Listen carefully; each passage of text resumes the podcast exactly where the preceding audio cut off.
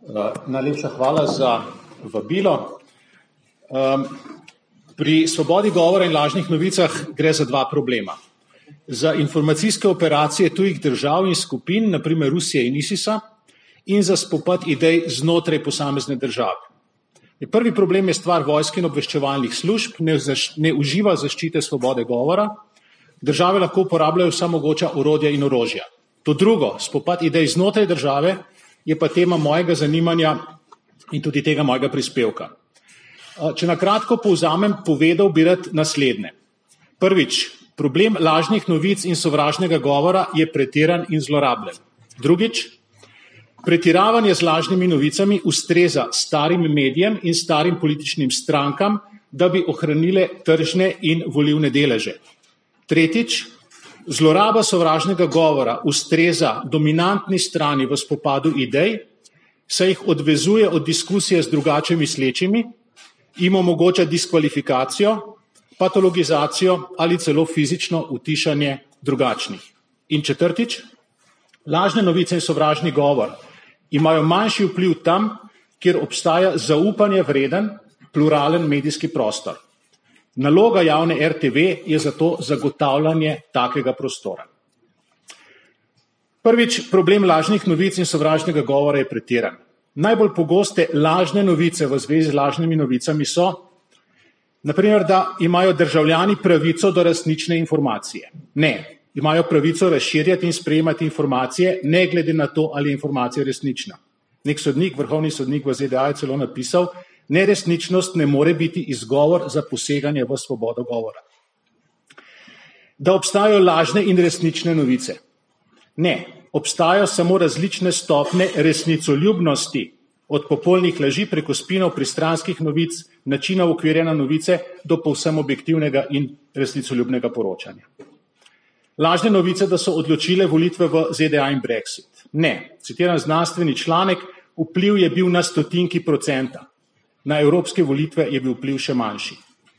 Lažne novice, da so grožnja demokraciji. Ne. So manjša grožnja za demokracijo kot lažne novice o lažnih novicah. Če so Rusi res pomagali izvoliti Trumpa, ali če je to samo domneva oziroma obtožba, tudi ta domneva oziroma obtožba manjša Trumpovo legitimnost, kar je v skupnem interesu v tem primeru Rusov in demokratov in ne v prvem primeru za izvolitev Trumpa Rusov in republikancev. Internet da povzroča nastanek skupin somišljenikov, tako imenovane echo chambers. Ne. Znanstveno je dokazano, da so uporabniki socialnih omrežij bolj izpostavljeni novicam druge strani kot bravci dominantnih medijev. Enoumje, groupthink, ki se oblikuje, ko je 95% novinarjev praktično istega političnega prepričanja, je mnogo bolj nevarno kot grupiranje nekih bralcev na internetu. Drugič, pretiravanje ustreza starim strankam in starim medijem. Dejstvo je, da se je medijska krajina spremenila. Še 15 let nazaj so obstajale koalicije medijev in politike. Vsaka veja politike je imela svoje medije. Naprimer v Franciji ste imeli Figaro, Humanité, Le Monde. Veliki mediji in velike stranke, vsaka je na svojem polu nadzorovala komunikacijo. Nadzorovali so jo lahko zato, ker je obstajalo tehnološko pogojeno osko grlo. Vse objavljeno je šlo mimo urednika skozi tiskarno in potem v trafiko oziroma na oddajnik. Tam je bilo mogoče vzpostaviti formalno urejanje ali pa formalno ali neformalno cenzuro.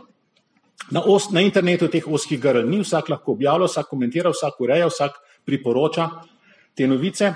Distribucija in komunikacija sta enostavni, vzpostaviti nov medij ali pa novo stranko je pravzaprav enostavno. Posledici sta umiranje starih medijev in zmanjševanja vpliva starih velikih strank v političnem prostoru. In druga posledica, nastajanje novih medijev in nastajanje novih političnih strank. Zato si koalicija starih političnih strank in starih medijev želi omejiti konkurenco. Ker konvencije o človekovih pravicah ožijo manevrski prostor državam, da bi kontrolirale govor, politika poskuša pripraviti internetne korporacije, da bi za nje upravljale to umazano delo. Pri tem so uspešni prvič, ker se korporacije bojijo zameriti politiki in njenim davčnim in inšpekcijskim vzvodom, in drugič, ker so lasniki in zaposleni v nekaterih od teh korporacij močno politično opredeljeni. Oženje svobode govora na družabnih omrežjih gre, gre zato predvsem na račun desnega govora. Ravno včeraj smo izvedeli, da je Facebook cenzuriral dostop do nekega predavanja ustavnega sodnika Klemna Jakliča. Kako ukinjajo desne račune pred novembrskimi volitvami v ZDA, je bogato dokumentirano. In tudi taka dejanja zmanjšujejo legitimnost volitev in zmanjšujejo zaupanje v demokracijo. Dajati moč za usmerjanje javnega dialoga že itak izjemno močnim podjetjem, kot sta Google ali Facebook, je kratkovidno in nevarno. Po mojem mnenju so ta podjetja nevarnejša od Rusije, da o zasebnih avtorjih ali spletnih medijih iz garaže niti ne govorimo. Zakonodajalec bi naredil pametno, če bi nasprotno spletnim velikanom naložil, da vse vsebine obravnavajo enako, podobno kot je z omrežno neutralnostjo naložil operaterjem interneta, da vas promet obravnavajo enako. Tretjič, zloraba pojma sovražni govor ustreza samo oklicano na prednji strani v borbi idej. Povsem jasno je treba povedati, da svoboda govora ni absolutna. Ne sme kredibilno napeljevati na kazniva dejanja s posledicami v osnovnem svetu. Prav tako jo omejuje pravica do dostojanstva, ki jo ima vsak posameznik. V zvezi s prvim, torej napeljevanjem na kazniva dejanja, je problem lažji, ker so posledice kaznjivih dejanj v osnovnem svetu objektivno medljive. Če nekdo poziva, da bi se drhal zbrala tam in tam in razbila to in to občinsko stavbo ali zapacala dom, in, eh, dom tega in tega ustavnega sodnika, je škoda objektivno merljiva. V zvezi z drugim je pa problem težji. Koliko je nek vernik užaljen ali prizadet, če za njegovega preroka ali za njegova, njegovega načkofa rečeš, da je pedofil, je težko vprašanje ki ga je treba reševati od primera do primera in po mojem mnenju na predlog prizadetega in ne avtomatično se strani države. Država namreč ne more vedeti, v kolikšni meri je prizadeto dostojanstvo konkretne osebe. Če naprimer meni nek napreden kulturni delavec upije, da sem smrad, država pač ne more vedeti, koliko, če sploh sem jaz za to prizadet. Svoboda govora ni absolutna ampak tudi pravica, da nisi užaljen, ni absolutna. Pravica od svobode, od neprijetnega govora ne obstaja. Pravica do intelektualno udobnega okolja, kjer nihče ne nasprotuje tvojemu prepričanju, tudi ne obstaja. Med pravico do svobode govora in pravico do dostojanstva mora seveda tehtati sodišče. Prvo nevarnost za zdrav spopad idej predstavlja premikanje definicije sovražnega govora, zato da bi se izognili, utišali ali celo prepovedali ideje, ki nekomu niso všeč in se jim ne more s svojo besedo zoprstaviti. Veliko tega vidimo, vidimo na progresivni levici, ker jim naravoslovje sesuva nekatere dogme, ki se jih drži vsaj od Rusoja naprej. Pomankanje protiargumentov nadomestijo z etiketiranjem, da gre za sovražni govor ali da se s fašisti sploh ne pogovarja. Tako naprimer ne pustijo do besede znanstveniku, ki dokaže, da je med geniji več moških. Ne pomaga, da pove, da je tudi med bedaki več moških. Iz istega razloga Google odpusti programerja. Niti ni dopustno zagovarjati stališča, naprimer, da Evropa pripada evropejcem ali da so državne meje zato, da jih ne more kjerkoli kdorkoli prestopati. Ali da je treba brodolomce voziti nazaj v Afriko, odkudar so prišli.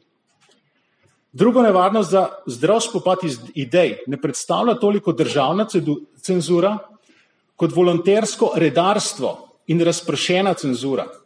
Ko naprimer neka knjižnica zaradi pritiska samooklicane javnosti prepove predstavitev neke knjige, kar se je zgodilo včeraj oziroma danes. To se lahko zgodi na podlagi zlorabljene oziroma razvlečene definicije sovražnega govora in enoumnega javnega prostora. In če zaključim še z vlogo RTV Slovenija, glede na to, da smo v tej hiši. Vlogo vidim v vsej zgodbi v tem, da se kot javno financiran medij postavi za svobodo govora in ne da kaznuje novinarje, ki ohranjajo širino javnega dialoga, kot so naprimer Možina, Pirkovič, Arih in še nekateri. In še pomembnejše. Raziskave so pokazale, da je dovzetnost za lažne novice najmanjša v državah, kjer imajo močne, pluralne, profesionalne medije. RTV Slovenija bi s tem, da bi več delala na svoji pluralnosti, lahko dala velikanski prispevek k zmanjšanju vpliva lažnih novic v Sloveniji. Če bi se ljudje lahko zanesli, da bodo se strani RTV Slovenija vsestransko informirani, ne bi iskali informacij na medijih, ki jih nekateri zmerjajo, da so lažni. Hvala. Najlepša hvala.